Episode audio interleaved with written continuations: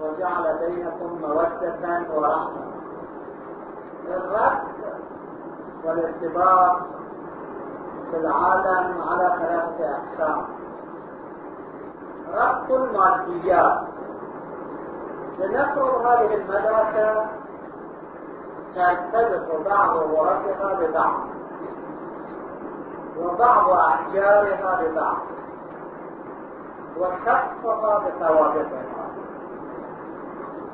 هذه رابطة مادية بحتة كذلك لنفرض وردة ترتبط جذورها وأوراقها وأغصانها بعضها ببعض هذه رابطة مادية فقط وكذلك ربط الجبل بعضه ببعض. ربط البحر بعض قطراته ببعض. ربط السيارة بعض أجزائها ببعض. ربط المسجلة وربط اللاحقة وربط السولية وربط الساعة وربط كذا وربط كذا وربط كذا. هذه كلها ارتباطات مادية بحتة. هناك ارتباطات قسم ثاني ارتباطات روحية. ارتباطنا برسول الله صلى الله عليه وآله وسلم ارتباط روحي. هو ارتباط مادي. ارتباطنا بالأئمة الطاهرين. ارتباط روحي بحت. يعني أرواحنا تحن إليهم وأرواحهم تحن إلينا. ومن المعروف أن كل شيء في الروح أقوى من كل شيء في المادة. ولذا ارتباط أرواحنا بالرسول أقوى من ارتباط المدرسة. بعض أجزائها بالبعض. جئ بقاس وتركتور تتمكن أن تهدم المدرسة كلها وأن تهدم الجلد الديناميت وأن تهدم أي شيء مادي. الشجر بالمنشار هذا الشيء بالصاحورة والحجر. أما هل تتمكن أن تفصل بين ارتباطنا مع رسول الله بماكنة أو بمادة أو بصاحورة يعني فاس صاحورة يعني فاس أو بأي شيء آخر. لا يمكن. ولذلك الصادق عليه الصلاة والسلام يقول المؤمن أصلب من الجبل لأن الجبل يؤخذ منه والمؤمن لا يؤخذ منه. هذا هو القسم الثاني من الارتباط والذي يسمى بالارتباط الروحي. في خلال الارتباط المادي. أكو قسم ثالث من الارتباط يسمى بالارتباط المادي الروحي. كلاهما ارتباط العائلة. الزوج والزوجة والأب والأولاد والأم وأولادها. ارتباط مادي وروحي الزوج يقول لزوجته اني احبك فقط. يكفي إني أعطيك فقط الأكل والشرب والنوم واللباس. يعني المسكن نفسه بالنوم نوم المنام واللباس. يكفي؟ لا. لأنه هناك ارتباط مادي روحي. وجعل بينكم مودة ورحمة. إذا الارتباط على ثلاثة أقسام. ارتباط مادي ارتباط روحي ارتباط مادي روحي. هناك مبحث من القديم وما علينا الآن بهذه المباحث أصلا وإنما كمقدمة نقولها. هناك مبحث من القديم عند الإلهيين أنه حل الحركات بالمادة تحت تأثير عقل مباشر أو تحت تأثير الله مباشرة. يعني مثلا أنه هذه القامة لا تتحرك؟ وكذلك السيارة تتحرك بفعل البنزين والطائرة تتحرك.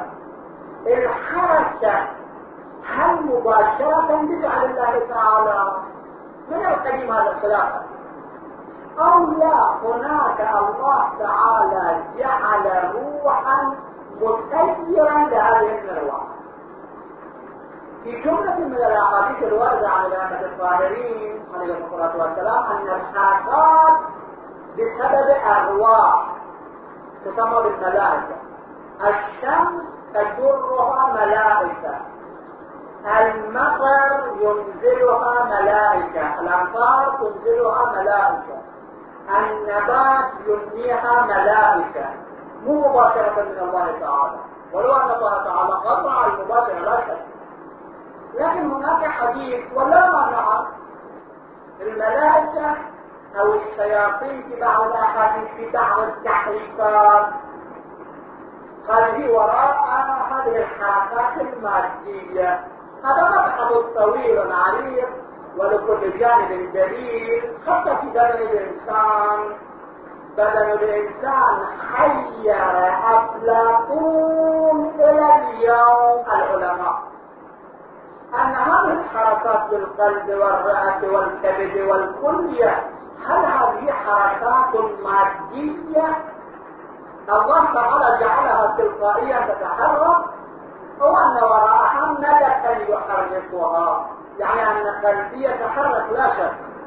لكن مباشرة يتحرك أو وراء القلب ملك يحركه. كما أن وراء السيارة سائق يحركها. خلاف في هذا الموضوع بين الالهيين بطبيعة الحال الماديين لا يعترفون بما وراء الطبيعية هذا يعترفون بكل هذه الأمور.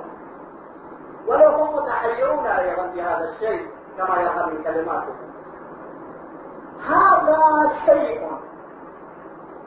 نأتي إلى الربط بين الإنسان في جملة الارتباطات. قلنا على ارتباطات مادية وارتباطات معنوية.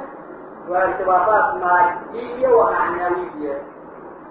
الارتباط بين الإنسان والإنسان من عجيب صنع الله سبحانه وتعالى أنه جعل الإنسان كل واحد منفرد وفي عين انفراده محتاج أنا منفرد؟ وأنت منفرد وهو منفرد وكل فرد من أفراد البشر منفرد. لكن في عين الانفراد.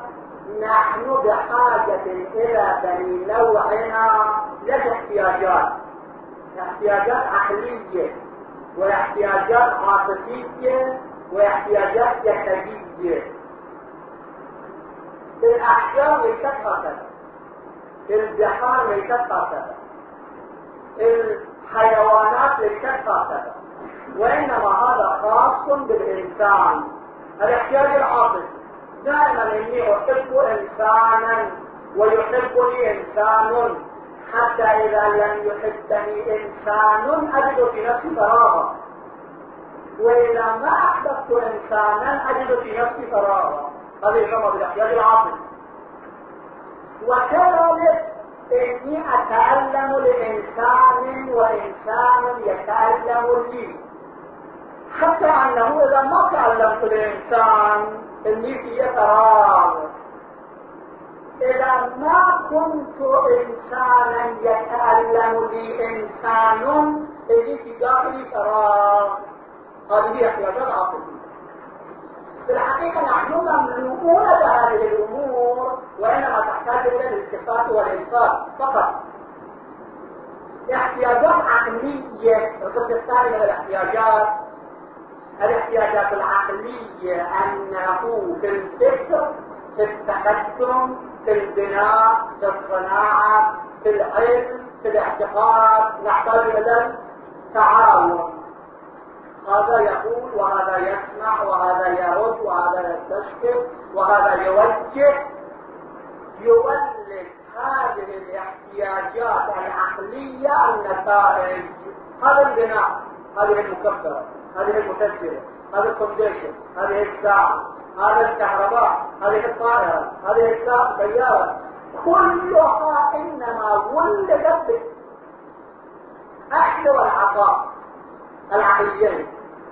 يعني أخذت وأعطيت أخذت وأعطيت وتراكم الأكل والعطاء وتراكم الأكل والعطاء حتى أتى بهذه النتيجة.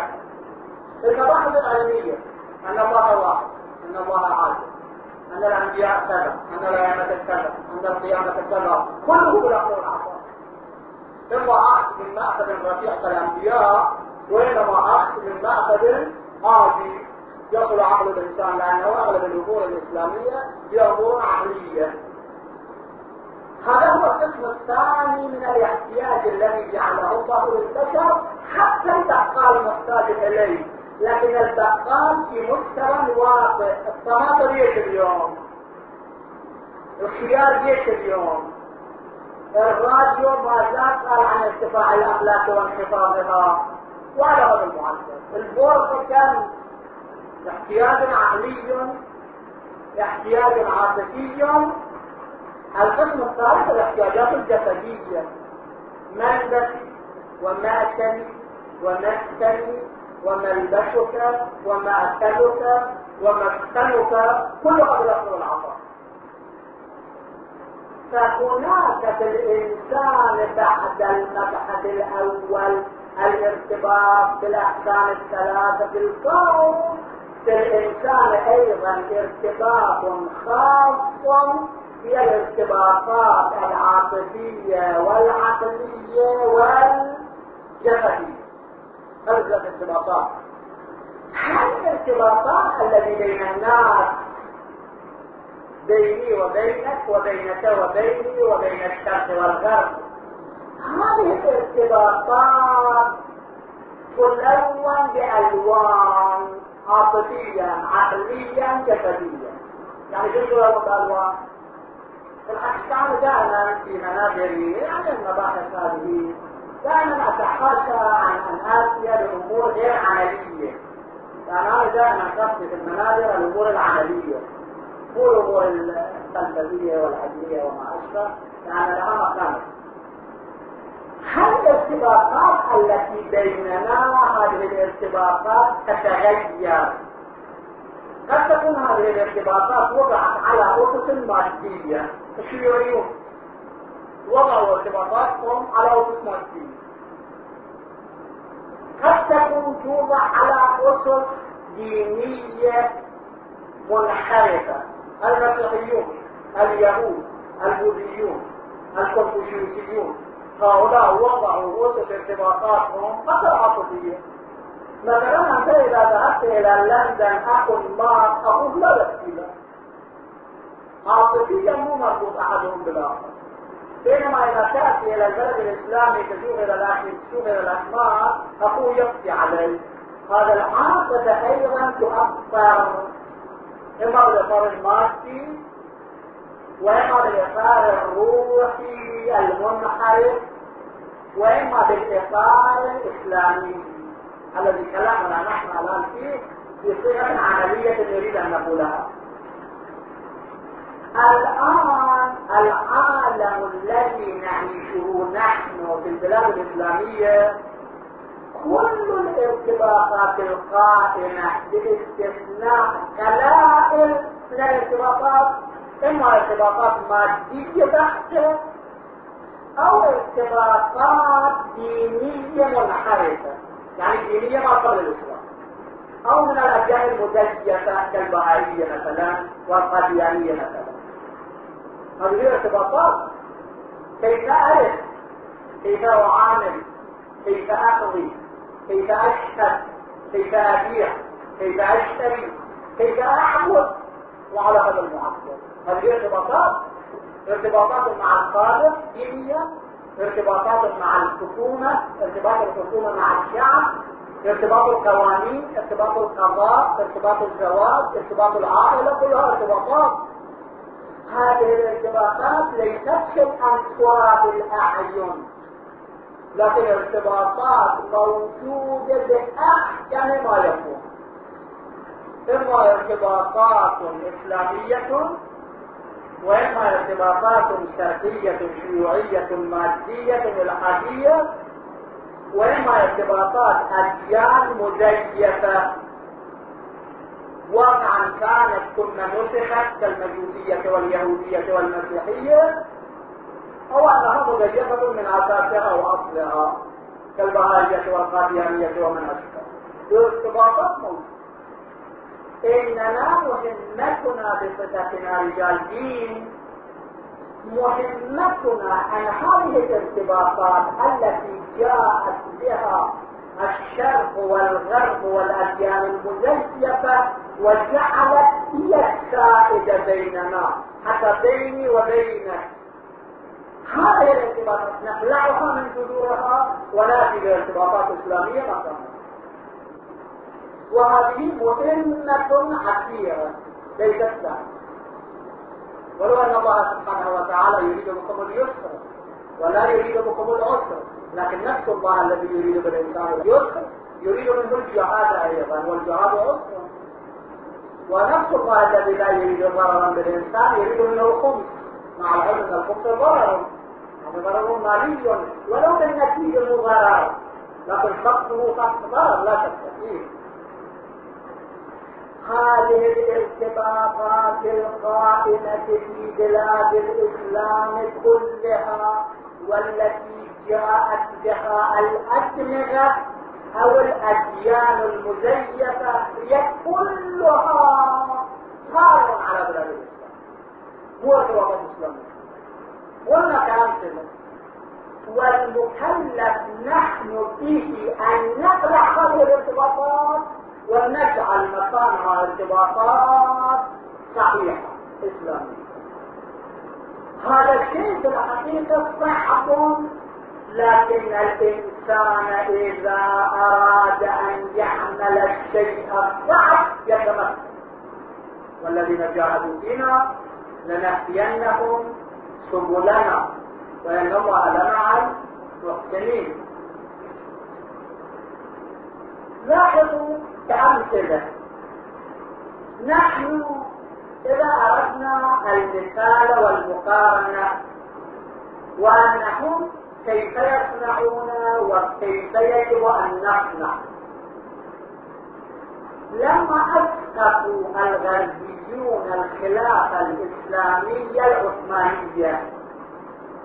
وأني أصر على الاسقاط ومطالعة الكتب المرتبطة بالخلافة العثمانية كما يطالعون الكتب المرتبطة بالخلافة العباسية والخلافة الأموية.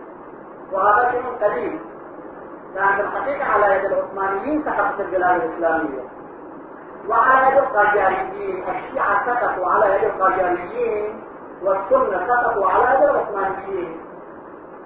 كما أن أبا إذا أفلت تسقط أولاده عن عنوان على يده عن العنوان وعن الشخصية وعن المال. لما أسقطوا الغربيون بتفصيل طويل هائل الخلافة العثمانية. وجاءوا بعد فتح مكانه. وإني قرأت شخصيا في كتاب في العراق حول الماسونية يقول أن أتاتورك مصطفى كمال. هذا كان رجلا أبوه يهودي. كمال مصطفى كمال كمال يهودي. من سلاميك. سلاميك كانت البلاد العثمانية ذات اليوم فيها يهود بكثرة كان يهودي من سلاميك وإنما أسلم تحقيقا من اليهود مو إسلاما طبيعيا عاديا. والغربيون أخذوا ولده وهو مصطفى والذي غير اسمه بعد ما استولى على الحكم وسمى نفسه أتاتورك يعني أبا الأشراف. لأنه كان يبغض اللغة العربية لأنها لغة الإسلام. فجعلوا هذا دفعوه إلى الأمام وإلى الأمام وإلى الأمام فساعدوا بيده قيادة بلاد تركيا والكتاب لم موجود في العراق هذه هي الكتاب هذا الذي قرأته عنه كتاب حول الماسونية دار البصري كانت أصلها أكثر بالضبط لما أسقطوا هذه الخلافة العثمانية مليار إدراك يعني كان يعني عشرين ألف مليون. بشر العالم كان أربعة آلاف مليون. أربعة مليارات عشرين مليار لأربعة مليارات يعني على كل واحد ولكل واحد من صغير الناس وكبيرهم شرقيهم وغربيهم شيوعيهم وغير شيوعيهم بمعدل كل واحد خمسة لماذا الشيء؟ أنت تملك يا بلجيت أكبر قدرة العالم وتملك أكبر قوة نظام لماذا 20 مليار حقيقة 20 مليار باللحظة يسير أما في التطبيق مدهش علاقات الشيوعية علاقات الرأسمالية علاقات المسيحية علاقات الإسلام علاقات هذه العلاقات بإذاعاتهم بصحفهم بخطبهم بنواديهم بمبارياتهم بألف شيء وشيء. خارجي والصعود المجتمع الماء الذي يجري تحتك وتحت نحن في الحقيقة أمام هذه القوة. الإمام أمير المؤمنين عليه الصلاة والسلام يقول وإنه الجد والله لن نعد والصدق لن كذب صدق الموضوع ما مسألة أربعة نفر من رجال الدين والمنبر ومدرسة وبحث فقهي ومباحثة في المعالم والشرائع. هذا كله صحيح. لكن هذه كثرت في مقابل البحث. إذا جاء إنسان وأخذ كوزا من ماء الداخل هذا نوع لا شك لكن هل هذا هو غالب البحث؟ من الواضح لا. إننا بحاجة الله